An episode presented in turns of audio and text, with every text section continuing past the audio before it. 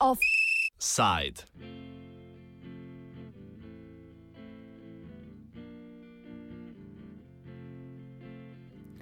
Cement, voda, pesek.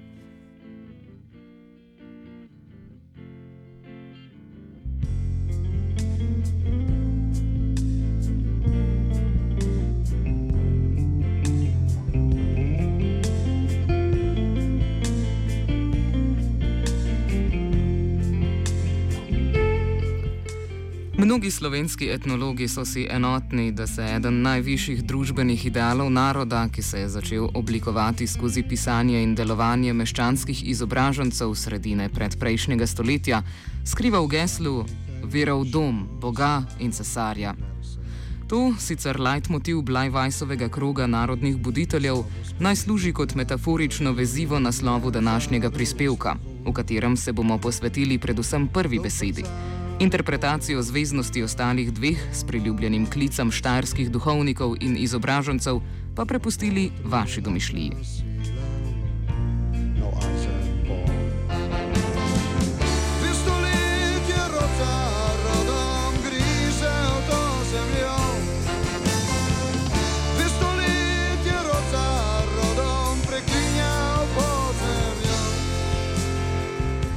Ob tem ni na ključje, da je prav naslovno geslo ključno za to, da sploh lahko domujemo in stanujemo. Brez produkta teh treh učinkovin si moderno gradnjo namreč težko predstavljamo. Prvi modern cement je leta 1845 z žganjem natančnega razmerja med apnencem in glino proizvedel angliški industrijalec Isaac Johnson. Pri visoki temperaturi sta žgani sestavini rezultirali v tvar imenovano klinker.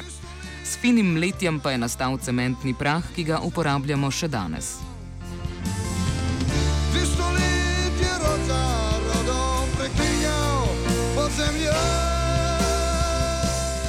Na slovenskem je prva tovarna cementa zrasla že leta 1876 v Trbovljah, ki jo je leta 1883 obiskal tudi avstro-ogrski cesar Franz Jožef I.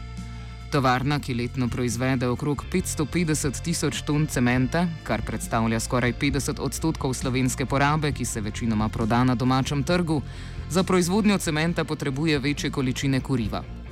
V več kot stoletni zgodovini cementarne se je za ogrevanje cementarniške peči uporabljal predvsem mazut, kasneje cenejši trbovalski in hrastniški premog. Zaradi želje po znižanju stroškov proizvodnje cementa pa je cementarna Trbovlje v 80-ih letih prejšnjega stoletja za ogrevanje peči začela sežigati tudi najrazličnejše odpadke, pojasni Uroš Macerl iz okoljevarstvenega društva EkoKrug.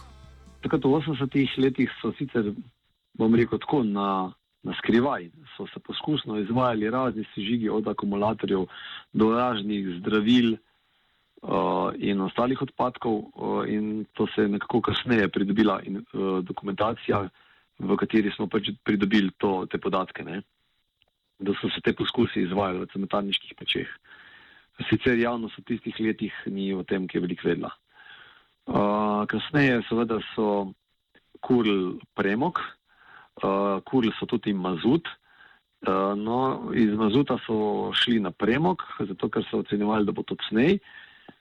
In ko je leta 1992 Lafarge kupil Trebovsko cementarno, je začel uporabljati petrol koks, kar je stranski proizvod naftne industrije, je zelo umazano gorivo, ki je zelo poceni, ker je naftna industrija ima ogromno tega, tega viška in je pravzaprav um, cementarne so tiste, ki zelo radije kupijo uh, tak pocen gorivo. Uh, in uh, v bistvu Lafarge je takoj prvo leto po nakupu pričel uporabljati petrol koks, čeprav smo mi vse čas trdili, da za to nima dovoljenja in na, smo na koncu tudi z tožbo in v razsodbi dokazali, da Lafaš nikoli ni imel dovoljenja za žig petrol koksa, čeprav ga je leta 2005 naprej uporabljal. Emisije nastale pri izgorevanju petrolkoksa so dokazano povzročitelj pljučnih in venskih bolezni, za katerimi statistično mnogo pogosteje obolevajo prebivalci Zasavja. Francosko podjetje Lafarge Cement, največji svetovni proizvajalec cementa, ki je leta 2002 prevzelo cementarno trbovlje, se je v skladu s svojimi okoljskimi smernicami leta 2004 odločilo za začetek 30 milijonov vrednega sanacijskega programa družbe z namenom zmanjšanja vplivov proizvodnih procesov cementa na okolje. Leto kasneje so na Ministrstvo za okolje in prostor uložili vlogo za pridobitev okoljevarstvenega dovoljenja ali IPPC dovoljenja. Tu pa se prvič zaplete. No, na kasneje so dobili neka dovoljenja, seveda z uh, zelo spretno uporabo zavajanj, uh, manipulacije s podatki in s tem, da jim je seveda država vse čas držala štango. Uh, tudi dovoljenje za sežig odpadkov so sežigali odpadke in dobili so dovoljenje za 16 vrst odpadkov, uh, od katerih jih je imel, mislim, da 9 označbo za zvezdico kot nevarni odpadek. No, in potem, ko smo uspeli dokazati, da je cel postopek za Lafarge tekel po privilegirani, nepravi poti. Da...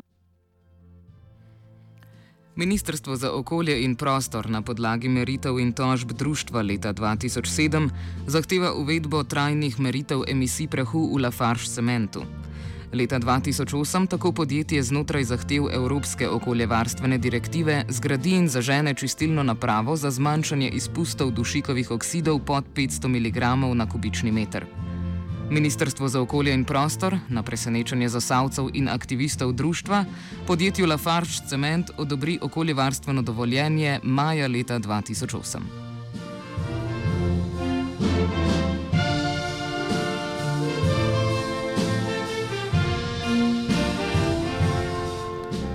Tole farš cementu dovoljuje tudi sežig nevarnih odpadkov. Ena glavnih pomankljivosti tega okoljevarstvenega dovoljenja je, da so emisijske mejne vrednosti podane le za koncentracijo emisij v dimniku, niso pa omejeni masni pretoki in s tem količine emisij, ki jih smela farš cement spustiti v okolje. Poleg tega so koncentracijske mejne vrednosti za nekatere nevarne spojine postavljene nekajkrat više, kot sicer veljajo v primeru sežigalnic odpadkov.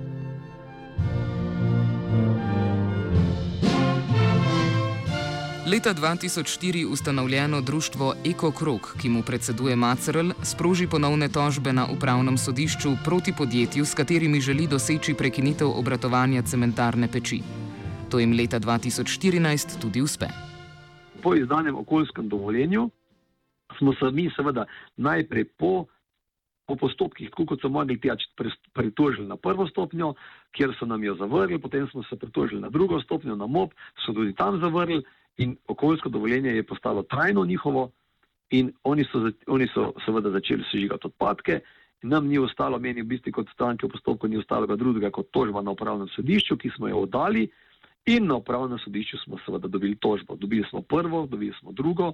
Pic in Fokus sta hotela vstopiti v postopek, ker ko je Lafarš ugotovil, da bomo mi te tožbe dobili, ker vse dokaze imamo, so hoteli mene izključiti kot stranko v postopku in sicer na spet en umazan način. Najprej je bilo vplivno območje 500 metrov okrog dimnika in ena od mojih parcel je segala znotraj teh 505 metrov in jaz sem pač bil upravičen za, kot stranka v postopku. Da bi to, bom rekel, spremenili, so naročili novo študijo o vplivnem območju in potem z novo študijo so je, je ratalo njihovo vplivno območje na meji njihove ograje, okrog tovarne. Niti cela tovarna pravzaprav ni bila v njihovem vplivnem območju. In na tak način so hoteli izključiti, izključiti mene kot stranko v postopku. Potem sta se vključila PIC in Focus, ki smo jih mi prosili za pomoč, ker one dva sta imela takrat status društva, ki deluje v javnem interesu in sta se lahko vključevala v te postopke kadarkoli. In kljub tem statusu jih je Arso in MOP, oziroma Arso in MOP jih nista hotela vključiti v postopek, ker so seveda vedeli, da bo potem ta igra Lafaža ne bo uspešna. Ne? No in Tici Fokus sta mogla za tožbo na upravnem sodišču dosežti, da sta lahko vstopila v postopek. No in potem uh, pač ta manever Lafažu ni uspel in na koncu so so z tremi izgubljenimi tožbami na upravnem sodišču ostali brez vseh dovoljenj. S tem pa se bitka med krajani in podjetjem pravzaprav šele zares začne. Arso po leti 2016 zavrže vlogo za ponovno izdajo okoljevarstvenega dovoljenja, ker podjetje kljub 180-dnevnemu roku in dodatnim pozivom ministerstva ne dopolni svoje vloge glede statusa podjetja. Podjetje namreč trdi, da so vsi novi objekti, tudi tisti zgrajeni na črno, del starega kompleksa pred francoskim prevzemom, ki je za cementarniško peč in sežigalnico že imelo okoljevarstveno dovoljenje. Lafarge se odloči za pritožbo, ki jo Arso spet zavrne, podjetje pa prek sodišča doseže delno odpravo sklepa in vrne zahtevek v ponovno odločanje. Več macerl. Oni pa ustrajno preko sodišča, preko odvetniške družbe, Rojih Peha, Prelesnik in partnerji poskušajo nekako uživeti postopek, kjer kot neko mantro ponavljajo, da so oni od nekdaj stara obstoječa naprava. Mi smo od nekdaj stara obstoječa naprava, nas postopek bi mogel steči po privilegirani krajši poti za stare obstoječe naprave. Sodišče pa seveda v tem postopku jasno ugotovilo, da oni ne morajo biti ja, stara obstoječa naprava, če pa oddajajo vloge, da bi radi uporabljali petrol koks, da hočejo imeti večjo kapaciteto, da bi radi sežigali odpadke, ker pa seveda kot stara obstoječa naprava teh dovoljenj niso imeli.